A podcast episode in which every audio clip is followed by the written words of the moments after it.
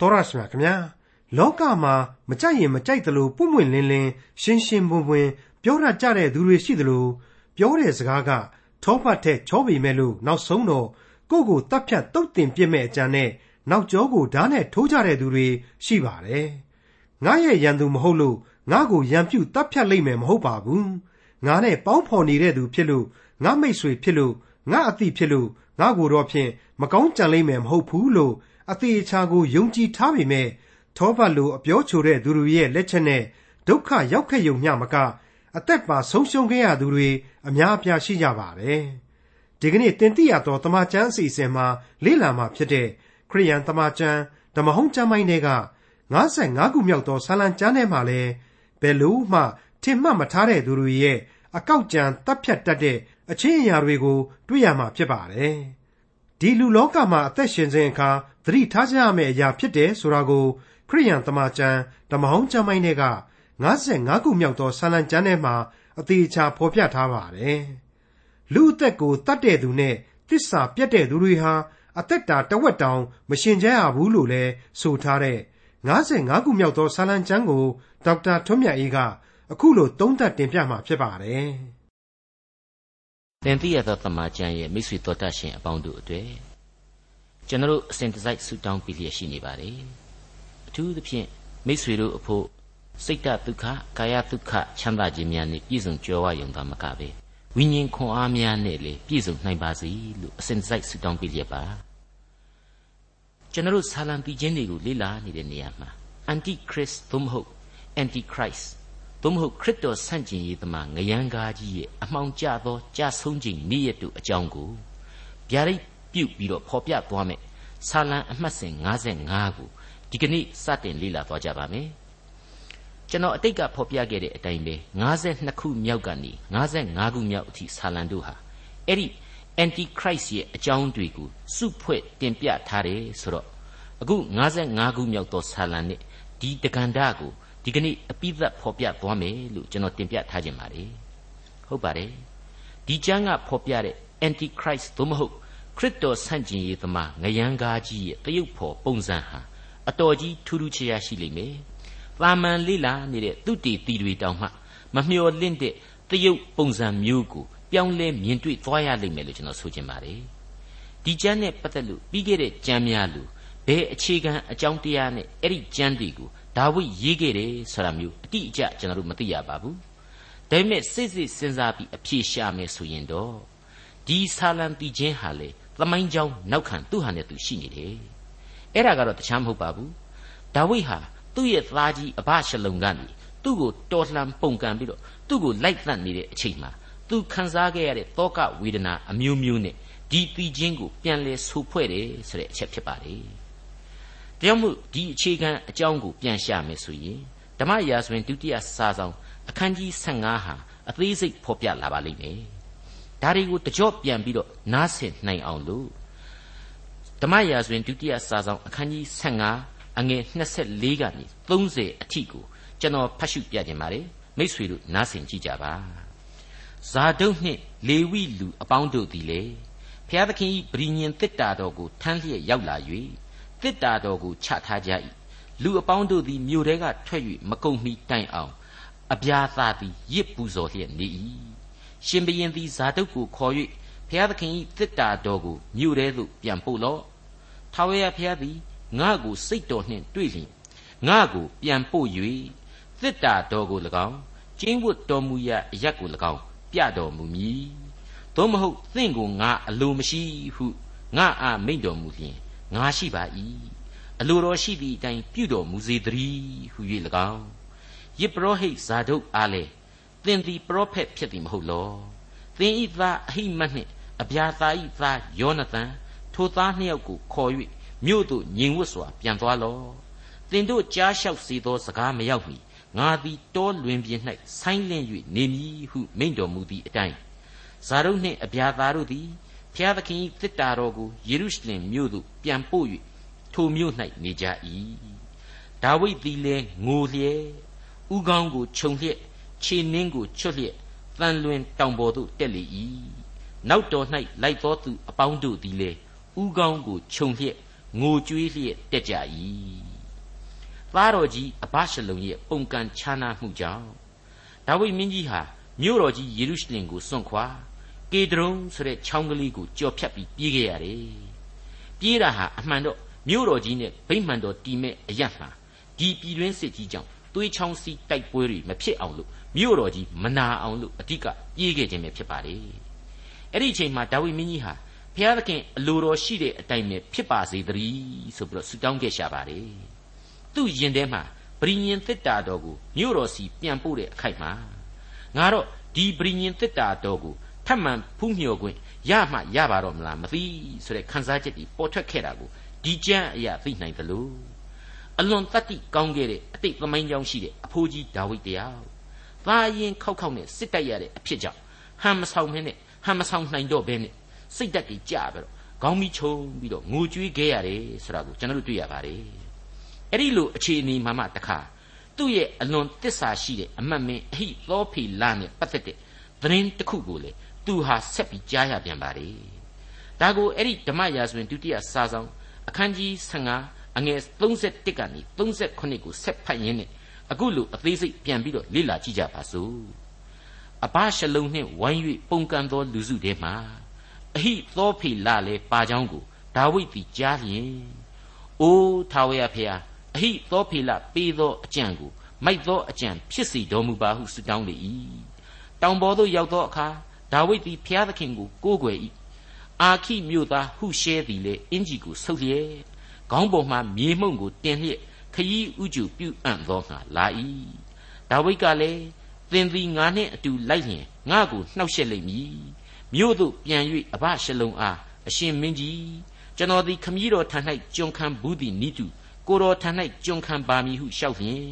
အဟိသောဖီလပေးသောအကြံကိုငါဘက်မှနေ၍ဖျက်နိုင်လိမ့်မည် မြို့တွင်သင်နှင့်အတူယေပရောဟိတ်ဇာဒုတ်နှင့်အဗျာသာတို့သည်ရှိကြသည်မဟုတ်လောတို့ဖြစ်၍နန်းတော်၌ကြားသမျှကိုယေပရောဟိတ်တို့အားပြန်ပြောရမည်သူတို့၌ဇာဒုတ်ဤသားအဟိမတ်နှင့်အဗျာသာဤသားယောနသန်သားနှစ်ယောက်ရှိကြ၏ကြားနိုင်သမျှကိုထိုသားတို့တွင်ငါထံသို့ပေးလိုက်ရမည်ဟုမိန့်တော်မူသည့်အတိုင်းဒါဝိဒ်၏အဆွေခင်ပွန်းဟုရှဲသည်မြို့သို့ပြန်သွား၏အဘရှလုံသည်လည်းယေရုရှလင်မြို့သို့ဝင်လေ၏ အဲ့ဒါဟာအခု55ခုမြောက်သောဆာလံရဲ့နောက်ခံသမိုင်းကြောင်းတည်းလို့ကျွန်တော်ဆိုချင်ပါတယ်ဒီတော့အခုကျွန်တော်တို့လေ့လာရမယ့်55ခုမြောက်သောဆာလံတည်ခြင်းဟာဒါဝိဒ်အဖို့စိတ်သက်တွေအကြီးအကျယ်ကြเสียနောက်ကြောင်းတွေရှိနေတယ်တစ်ချိန်လုံးကိုယ့်အပေါ်မှာတစ္ဆာစောင့်သိယူသေးခဲ့တဲ့အဟိသောဖိလကြောင့်လေရင်ခွဲပက်လက်ဖြစ်ခဲ့ရပြန်တယ်ဖျားသခင်ကိုဒီအကြောင်းတွေကိုယင်ဖွင့်ပြောပြပြီးတဲ့နောက်အဟိသောဖိလဟာသဘုံဖြစ်နေတဲ့သူ့သားကြီးကို အကြံကောင်းညံကောင်းတွေမပေးနိုင်ပါစေနဲ့ဆိုပြီးတော့ဆုတောင်းခဲ့တယ်ဆိုတဲ့အခြေခံဒီပေါ်မှာမူတည်ရင်းနေဒီဆာလံတီချင်းကိုသူရေးဖွဲ့လိုက်ခြင်းဖြစ်တယ်လို့ကျွန်တော်ယူဆပါတယ်ဒီအခြေခံမြင်ကွင်းဒီနဲ့ပဲအခုဆာလံတီချင်းအမှတ်စဉ်55ကိုလေ့လာသင့်တယ်လို့ကျွန်တော်တင်ပြလိုက်ပါတယ်55ခုမြောက်သောဆာလံအငယ်1မှ8အိုဖျားသခင်အကျွန်ုပ်ဆုတောင်းသောစကားကိုနားထောင်တော်မူပါ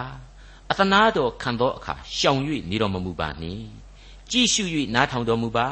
ရန်သူဤစကားသံကြောင့်၎င်းမတရားသောညှင်းဆဲခြင်းကြောင့်၎င်းအကျွန်ုပ်သည်ညှိုးငယ်သောစိတ်နှင့်ညီးတွားမြည်တမ်းလျက်နေရပါ၏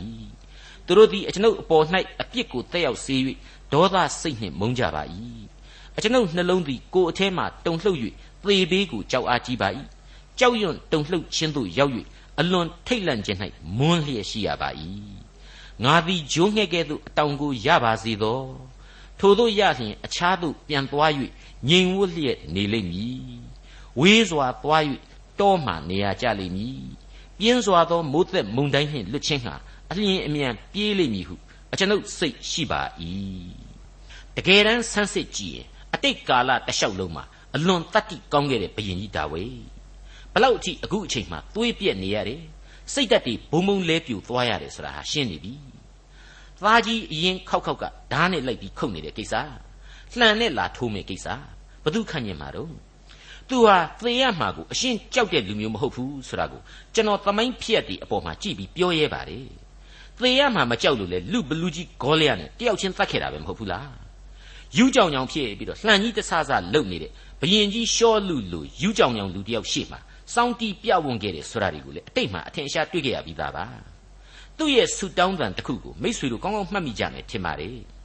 ရာဇဝင်ကျုပ်ပထမစာဆောင်အခန်းကြီး21အငယ်73မှာပါငါသည်ကျင်းမြောင်းရာသို့ရောက်လေပြီတကားထာဝရဘုရား၏လက်တော်သို့ရောက်ပါစေ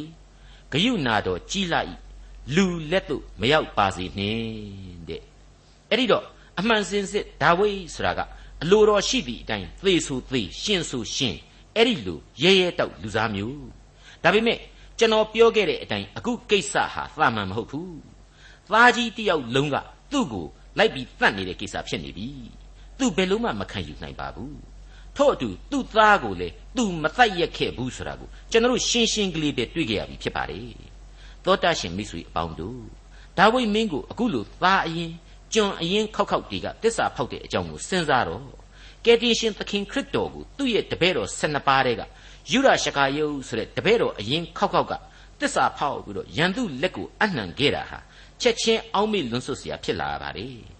အနာဂတ်သဘောအရာခရစ်တော်ဆန့်ကျင်ရေးသမားအန်တိခရစ်ကနေပြီးတော့ခရစ်တော်ကိုဆန့်ကျင်တာဟာလေဒီသဘောသာဖြစ်တဲ့အကြောင်းကျွန်တော်တို့လေးစားစွာတင်ပြလိုက်ပါတယ်ငါသည်ဂျိုးငှဲ့ကဲ့သို့အတောင်ကိုရ၍ငြိမ်ဝတ်လျက်နေပါရစေဆိုတဲ့အချက် ကျွန်တော်ကတော့ချက်ချင်းပဲယင်ထဲမှာစိုးနေသွားအောင်ခံစားရတဲ့အကြောင်းဝန်ခံလိုပါတယ်လူဆိုတဲ့တတ္တဝါဟာလူတိုင်းလူတိုင်းငြိမ်သက်ခြင်းကိုကြိုက်တယ်အဲ့ဒီလိုငြိမ်သက်ခြင်းကလေးတပတ်စာလောက်ခံစားရဖို့အရေးအတွက်အလွန်ပင်ပန်းတဲ့ခရီးရှည်ကြီးတွေကိုကြော်ဖြတ်ပြီးသွားကြတယ်အနားယူတတ်ကြတယ်ပိုက်ဆံတွေအများကြီးအကုန်ခံတတ်ကြတယ်ဆိုတာကျွန်တော်တွေ့ရပါတယ်ဘုရားသခင်ကတော့ပြောလိုက်ပါတယ်လူတို့ကြံစီ၍မမိနိုင်သောငြိမ်သက်ခြင်းနဲ့ဝမ်းမြောက်ခြင်းကိုငါပေးမိတယ် ဘလောက်အံ့ဩဖို့ကောင်းလေ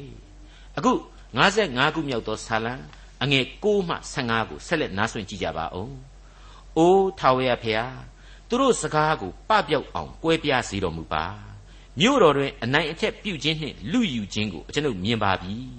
မြို့ရိုးပေါ်မှနေညမပြတ်သူတို့သည်လဲကြပါ၏မြို့ထဲမှဆိုးညစ်သောအမှုနှင့်နှောက်ယှက်ခြင်းအမှုရှိကြပါ၏အရမတရားတို့သည်မြို့အလယ်၌ရှိ၍ညှင်းဆဲခြင်းနှင့်လှည့်စားခြင်းသည် လမ်းတို့၌နေရာကျကြပါ၏ငါကိုကဲ့ရဲ့သောသူသည်ငါရန်သူမဟုတ်ဟုတ်လျင်ပြီးခံနိုင်၏ငါကိုရံပက်ပြူသောသူသည်ငါကိုမုံသောသူမဟုတ်ဟုတ်လျင်ထိုသူကိုငါရှောင်နိုင်၏ထိုသို့ပြုသောသူသည်သင်ဖြစ်ငါနှင့်ဖက်သောသူငါမိတ်ဆွေငါအသည့်အကျွမ်းဖြစ်၏အချင်းချင်းသာယာသောဆွေးနွေးတိုင်ပင်ခြင်းကိုပြုကြပြီဖျားသခင်အိမ်တော်သို့လူအစုအဝေးနှင့်အတူသွားကြပြီသူတို့ကိုသေမင်းဖန်ဆီးပါစေ အသက်ရှင်လျက်မရဏနိုင်ငံသို့ဆင်းသက်ကြပါစေအကြောင်းမူကားဒုစရိုက်တို့သည် သူတို့နေရာတွင် သူတို့အထဲ၌ရှိကြ၏သူတို့စကားကိုပပြောက်အောင်ကွဲပြားစေတော်မူပါဘုရားသခင်ဆိုတာဟာအဟိသောဖီလဆိုသမျှတွေအကြံဉာဏ်ပေးသမျှတွေဟာကပောက်တိကပောက်ချာတွေဖြစ်စီတော်မူပါဆိုတဲ့အချက်နဲ့ကိုက်ညီနေတယ်လို့ကျွန်တော်ခံယူပါတယ်မြို့တော်မှာအနိုင်အထက်ပြုတ်ခြင်းနဲ့လူယူခြင်းဆိုတာဟာလေအဘရှလုံတယောက် ဖခင်ကြီးဒါဝိဒ်ရဲ့မြို့တော်မှာနိုင်ထက်စီးနှင်းအကြမ်းဖက်ပြုမှုတွေပြုလုပ်နေပြီဆိုတာကိုတိတိကျကျဖော်ပြလိုက်ပါတယ်။ကွက်တိကျနေတယ်လို့ကျွန်တော်ယူဆပါတယ်။သူ့အဖေရဲ့မောင်မမိတ္တန်တွေကိုတောင်းမှနေအောင်အောက်မှာမရှက်မကြောက်ဆက်ဆံပြခဲ့ပါတယ်။အဲ့ဒါဟာအဟိသောဖီလာရဲ့အကြံဉာဏ်တွေနဲ့ပဲဖြစ်ခဲ့ပါတယ်။အလွန်တရာရှက်ကြောက်စရာဖြစ်ခဲ့ပါတယ်။ဘယ်လိုနည်းနဲ့မှလူမှုရေးဥပဒေအရခွင့်မလွှတ်နိုင်လောက်တဲ့ရှက်ကြောက်ဖွယ်လွန်ကျူးမှုကြီးသာဖြစ်ပါတယ်။အဲ့ဒီလိုအဘရှလုံတယောက် တောင်းကျမ်းကျင်တိုင်းတောင်းကျမ်းခဲ့ပြီဆိုတဲ့နောက်မှာတော့သူ့ရဲ့သဘုံတက်သားတွေဘလောက်အထိမဟုတ်မဟတ်ပြီးဆက်ပြီးလုပ်မယ်ဆိုတာအထူးပြောနေစရာလိုတော့မထင်ပါဘူးပရိသရိခေရဲ့ယင်သိမ့်တုံပွဲရှက်ကြောက်ဖွယ်မြင်ကွင်းများအဖြစ်မတရီစရာဖြစ်ခဲ့ရမှာဧကအမှန်ပါပဲဒါကြောင့်မို့လို့လေဒါဝိမင်းကြီးကဖော်ပြလိုက်ပါတယ်မြို့ထဲမှာဆိုးညစ်သောအမှုနှင့်နှောက်ယှက်ခြင်းအမှုတို့ဖြစ်နေကြပြီတဲ့ဆက်လိုက်ပါသေးတယ်အတ္တမတရားတို့သည်မြို့အလယ်၌ရှိ၍ ညှင်းဆဲခြင်းနှင့်လှည့်စားခြင်းတို့သည်လမ်းတို့၌နေရာကျကြပါ၏တဲ့ဆက်လက်ပြီးတော့ဒါဝိဒ်ဖော်ပြတာတွေဟာသမိုင်းသက်သေများပဲဖြစ်တယ်လို့ကျွန်တော်ခံယူပါတယ်ငါကိုကဲ့ရဲ့သောသူသည်ငါရန်သူမဟုတ်ဟုတ်လျင်သီးခံနိုင်၏ငါကိုရံပက်ပြုသောသူသည်ငါကိုမုံသောသူမဟုတ်ဟုတ်လျင်ထိုသူကိုငါရှောင်နိုင်၏မရှင်းဘူးလားသူအလွန်ချစ်ရတဲ့သားသူအလွန်ချစ်ခဲ့ရတဲ့တပည့်တွေစာရမဏေလွှမ်းမိုးနေတယ်ဘလူးစီးနေတယ်ဒါကြောင့် လူစိတ်ပျောက်နေတယ်ဆိုတဲ့သဘောပဲအဖေကိုတတ်ချင်တယ်ကိုယ့်ရဲ့တစ်သက်လုံးစောင့်စောင့်စီစီချစ်ခင်ခဲ့တဲ့ကိုယ့်ကိုချီးမြှောက်ခဲ့တဲ့ဘယင်ကြီးကိုသိစေခြင်းနေတယ်မုန်းလို့တော့မဟုတ်ဘူးမာမာနတွေတက်နေတဲ့သဘောစာရမဏတ်နှိပ်စက်ခြင်းကိုခံရလို့မျက်စိတွေဇုံလုံးကန်းနေရတဲ့သဘောပါပဲမိษွေအပေါင်းတို့စာရမဏတ်စာရမဏတ်နဲ့ကျွန်တော်တို့ကပြောပြောနေတာကိုမိษွေတို့နားရင်နေကြပြီနော် ဒီစာရမဏတ်ရဲ့အစွန်းတတ္တိတွေဟာအတိုင်းအဆမရှိနိုင်ဘူးဆိုတာကိုဒီကျမ်းစကားတွေအားဖြင့်ကျွန်တော်တို့အလေးအနက်နားလည်လာရပါတယ်သိပ်ပြီးတော့ထူးဆန်းနေတဲ့အဆိုအဖွဲ့တွေလို့ကျွန်တော်ဆိုချင်ပါတယ်ထို့သောပြုသောသူသည်သင်ဖြစ်၏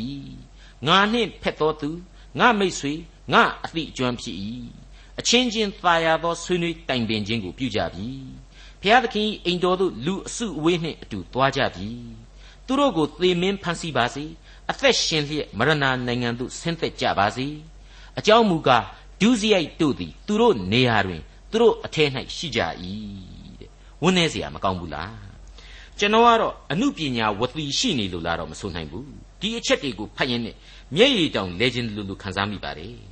ဒါဝိမင်းကြီးရဲ့ဝိညာဉ်အသည့်ထဲမှာသူ့သားအဘရှလုံသူ့ရဲ့အမတ်မင်းအဟိသောဖေလာတို့အခြေအနေမကောင်းမှန်းကိုသိနေပြီလို့ကျွန်တော်ခံစားရတယ် ဒီပုံကိုယ်တွေသေမှသေကြနေပြီဒါပေမဲ့ကယ်တင်ရှင်ဂျေဇုကိုခံစားကြရပါစေ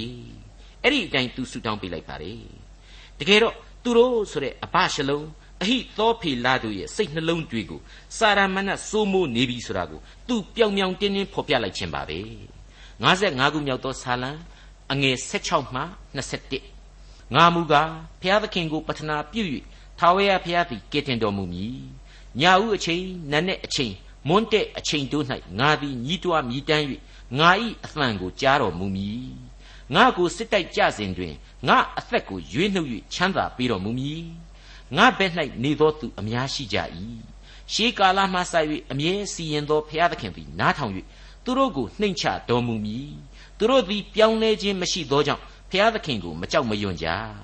ထိုသို့သောသူသည်မိษွေဖြစ်သောသူကိုပြစ်မှား၍တစ္ဆာပြတ်တတ်၏ သူ၏စကားသည်ထောပတ်တဲ့ချောတော်လေစစ်တိုက်မည်ဟုအကြံရှိ၏သူ၏စကားသည်စီတဲ့ပြော့တော်လေထုတ်သောဓာဖြစ်၏မိษွေတော်တတ်ရှင်အပေါင်းတို့ခမညာကယ်တင်ရှင်သခင်ခရစ်တော်ကိုငွေ30ကျပ်နဲ့ရောင်းစားခဲ့သူယူရရှကာရုပ်ရဲ့ဖောက်ပြန်မှုအကြောင်းကိုခရစ်ဝင်ကျမ်းဒီမှာဖတ်ကြည့်ပါသူဟာဗန္ဒာဒိန်တယောက်အနေနဲ့တပည့်တော်ဒီကြားမှာအမှုထမ်းခဲ့တယ်ဆိုတာကလွဲလို့တနေ့နေ့တစ်ချိန်ချင်းမှာဒီလောက်အထိဖောက်ပြန်သွားလိမ့်မယ်ဆိုတာကို သမိုင်းကြောင်းနောက်ခံတစ်ခုအနေနဲ့ကျွန်တော်မျှော်လင့်ရလောက်အောင်ဘယ်နေရာမှမတွေ့ရပါဘူး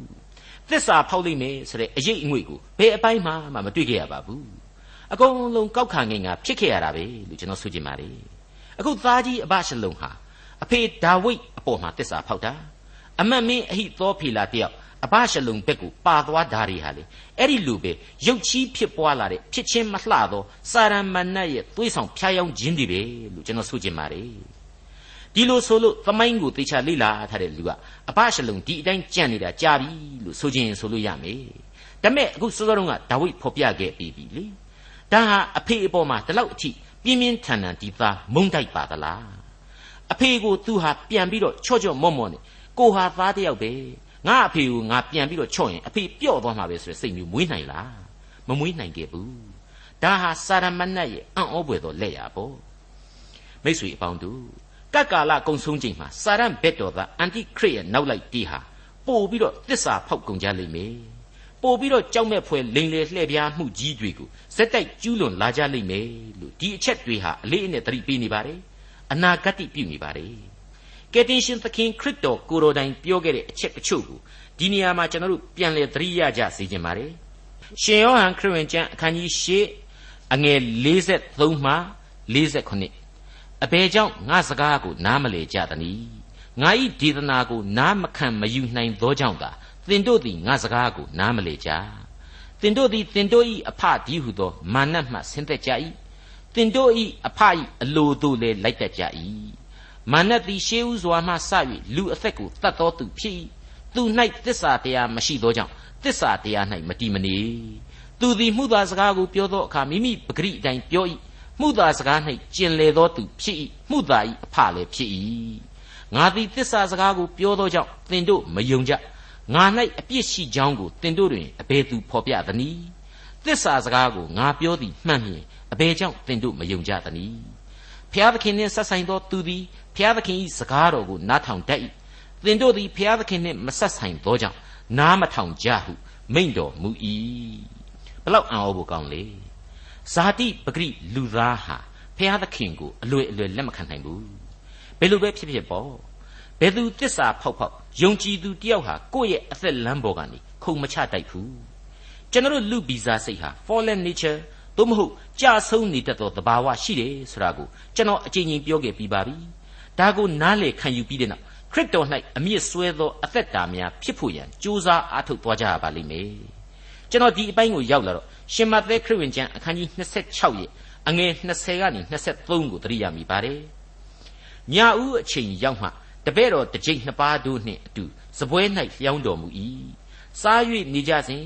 ကိုတော်ကငါအမှန်ဆိုသည်ကသင်တို့တွင်တစုံတစ်ယောက်သောသူသည်ငါကိုအနှံလိမ့်မည်ဟုမိန့်တော်မူလျှင်တပည့်တော်တို့သည်အလွန်ဝမ်းနည်း၍သခင်အကျွန်ုပ်လောဟုအသီးသီးမေးလျှောက်ကြ၏ ကိုတော်ကလည်းငါနှင့်အတူပကံတွင်လက်၌သောသူသည်ငါကိုအနှံလိမ့်မည်ဆိုတဲ့အပိုင်းကလေးပါပဲညာဦးအချိန်တဲ့စာရန်အကြီးအကျယ်လှုပ်ရှားတတ်တဲ့အပုတ်ချိန်လို့ဆိုကြပါလေအဲ့ဒီအချိန်ယေရုရှလင်မြို့တော်ကြီးကညစာစားပွဲကလေးဟာအလွန်တရာယဉ်နှင့်ပွဲကောင်းတဲ့မြင်ကွင်းပါပဲခရစ်တော်ကယဉ်ဖွင့်နေငါ့ကိုမင်းတို့အထဲကပဲတယောက်ယောက်တစ္ဆာဖောက်လိမ့်မယ်ဆိုတာကိုကြိုပြီးပြောလိုက်ပါတယ် အဲ့တော့၁၂ပါးသောတပည့်တော်တွေအကုန်လုံးဘယ်လိုဝိုင်းမေးကြတဲ့လေကျွန်တော်များဖြစ်နေမလားသခင်တဲ့ဘာဖြစ်လို့အဲ့ဒီလိုအကုန်မေးကြသလဲရှင်းနေပါတယ်အကုန်လုံးဟာအချိန်မရွေးမိမိတို့ဟာဖောက်ပြန်တတ်တယ်ဆိုတဲ့မိမိတို့ရဲ့လူဘဝအကြောင်းကိုမိမိတို့သိလို့မေးလိုက်ကြတာပဲပေါ့အဲ့တော့ကျွန်တော်ရဲ့လူဖြစ်ရခြင်းဆိုတာဟာဘလောက်အထိမွန်မြတ်တယ်ဆိုတာနားလည်ရသလိုဘလောက်အထိရိမ့်ရွက်တိမ်ပါတတ်တဲ့အမျိုးအစားတွေဖြစ်တယ် အကဲဆက်တဲ့အမျိုးအစားတွေဖြစ်တယ်ဆိုတာကိုသတိတရားရဖို့အထူးပဲလိုအပ်လှတယ်လို့ကျွန်တော်ဆိုချင်ပါတယ်ဒါဝိမင်းကြီးရဲ့ဆာလံတီချင်းတွေကအလွန်ကောင်းမွန်တဲ့သင်္ကစားရက်ကတော့ငါမူကားဖျားသခင်ကိုပထနာပြု၍ထာဝရဘုရားသည်ကဲ့တင်တော်မူမည်ညာဦးအချိန်နတ်နဲ့အချိန်မွန်းတဲ့အချိန်တို့၌ငါသည်ညီးတွားမြည်တမ်း၍ငါ၏အသံကိုကြားတော်မူမည်ဆိုတဲ့အချက်ပါပဲအစဉ်သဖြင့်သခင်နှင့်ယုံကြည်မျှော်လင့်အစဉ်သင်ဆိုတဲ့အချက်ပါပဲ ဒီအချက်ဟာဒါဝိဒ်အားဖြင့်တွေ့ရတဲ့ဒုက္ခဆင်းရဲခြင်းတစ္ဆာဖောက်ခံရခြင်းတို့ကြားတဲ့ကကောင်းမှုဖြစ်လာတယ်အမင်္ဂလာတွေကမင်္ဂလာတစ်ပါးဖြစ်လာတယ်လို့ကျွန်တော်ဆိုချင်ပါတယ်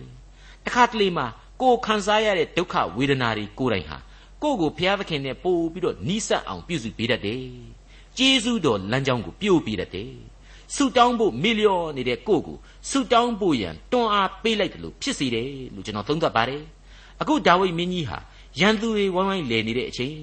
သစ္စာပေါက်တီမှုလိုပေါက်နေတဲ့အချိန်မှာငကိုတုံးကတနေ့ကိုတစ်ခါလောက်သာဆုတောင်းဖို့တရိယာကောင်ရမယ်။အခုတော့တနေ့ကိုအနည်းဆုံး၃ချိန်ဆူတောင်းတယ်ဆိုတဲ့အပြောင်းအလဲတစ်ခုကိုကျွန်တော်တို့တွေ့လာရပါတယ်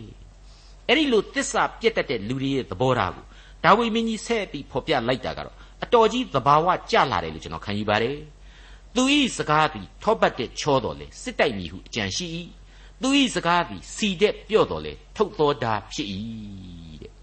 ဒါဟာမြမစာပေနဲ့ပြောရမယ်ဆိုရင်တော့ဥပမာအလင်္ကာမြောက်တယ်လို့အတိတ်တရအလင်္ကာလည်းမြောက်တယ်လို့ကျွန်တော်ပြောချင်ပါတယ်ဟုတ်ပါတယ်နှိုင်းရှင်ချက်ဥပမာကိုဖော်ပြထားပါတယ်ဒါပေမဲ့လိုတာတဲ့ပို့ပြီးတော့တင်စားထားတယ်ဆိုတဲ့သဘောပါပဲအပြောလေးတွေကတော့ချောနေတာပဲဒါပေမဲ့ကျွန်တော်ကိုသတ်ကြမှာပါတဲ့အဲ့ဒီလိုဆိုလိုရင်းအတိတ်ပဲရှိပါတယ်ဒီကနေ့ခရိယန်အသင်အပင်အဖွဲ့အစည်းကြီးတွေမှာ ဒုတ်ထိုးအိုးပေါက်ဆိုတဲ့ပြောင်သမားတွေရေထောပတ်လို့လိုက်ပြီးတော့ပုတ်တက်တဲ့ပျော့ပြဲပြဲသမားတွေရေရှိနေတယ်ဆိုတာကိုမငြင်းနိုင်ပါဘူးနှမျိုးနှစ်စားသောလူဒန်းစားပေါ့ဗျောင်သမားတွေကသူတို့ဗျောင်ကြတာကိုဂုံယူတယ်ငါတို့ကတော့ပြောเสียရှိရင်တဲ့တယ်ပဲပြောပလိုက်တာပဲဆိုတဲ့သဘောပေါ့အဲ့ဒီပုံကိုယ်တွေကိုတခုတော့မေတ္တာရက်ခံခြင်းပါလေဖြင်းညင်းသောစကားသည်စိတ်ကိုဖြေတတ်၏ကြမ်းတမ်းသောစကားမူကားအမျက်ကိုနှိုးဆော်တတ်၏တဲ့ကလိန်ခြုံเสียမလိုပါဘူးတဲ့တယ်ပဲပြောပါ ဒါပေမဲ့နားဝင်အောင်ပြောဖို့တော့လိုပါလိမ့်မယ်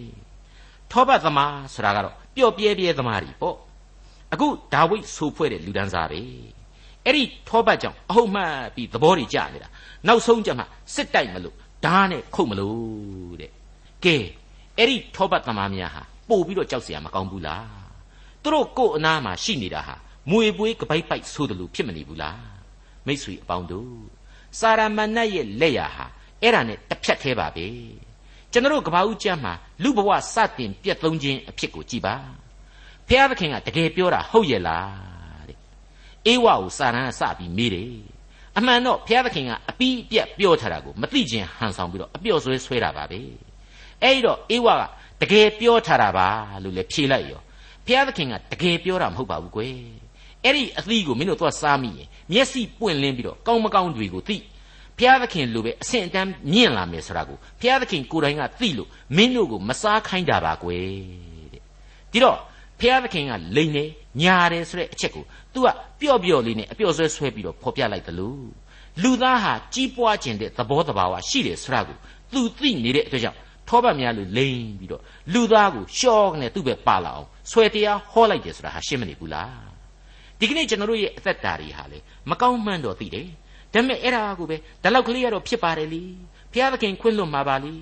လူပဲဥစ္စာဒါမျိုးလေးကတော့လုတ်တင်ပါတယ်ဆိုတဲ့စိတ်ကစားမှုကလေးတွေကနေဖောက်ပြန်ပျက်စီးရစမြဲပဲဖြစ်တတ်တယ်ဆိုတာကိုကျွန်တော်တို့ပြန်ပြီးစဉ်းစားလိုက်ရင်အဖြေပေါ်နိုင်လောက်ပါတယ်သဘောပေါက်နိုင်လောက်ပါတယ်အဲ့ဒါဟာအချော့အမြောက်အပြူကြိုက်တတ်သူလူသားတို့အားလုံးအတွက်သင်ခန်းစာပါပဲစီတဲ့ပြော့ပြီးမြဲဓာတ်နဲ့ထိုးလိုက်မယ်ဆိုတာကိုကြတော့ရည်ကျင်စရာပဲလို့ကျွန်တော်တွေးမိပါတယ် ကျွန်တော်တို့အသက်တာတွေမှာအစင်းကိုဘိမ့်တက်ပေးတယ်လို့ပြောတတ်ကြပါတယ်တယောကိုပေါင်ကြားမှာညှက်ပေးလိုက်တယ်လို့လည်းဆိုတတ်ကြပါတယ်တွက်တွက်လဲအောင်လှုပ်ပြလိုက်တဲ့သဘောပေါ့ပေါင်ကြားမှာအမဲစီတုတ်ပေးလိုက်တော့ break အုပ်လို့မရတော့ဘဲနဲ့တောက်လျှောက်လျှော့ကြသွားတဲ့သဘောပဲအဲ့ဒီပန်းတုံးတိုင်မှာကတော့ဓားတွေဟာအရှိန်နဲ့ကြာလာတဲ့ကိုယ်ကိုစောင့်နေတယ်သေခြင်းတရားဟာစောင့်နေတယ်အဲ့ဒီအတိတ်ပဲပဲ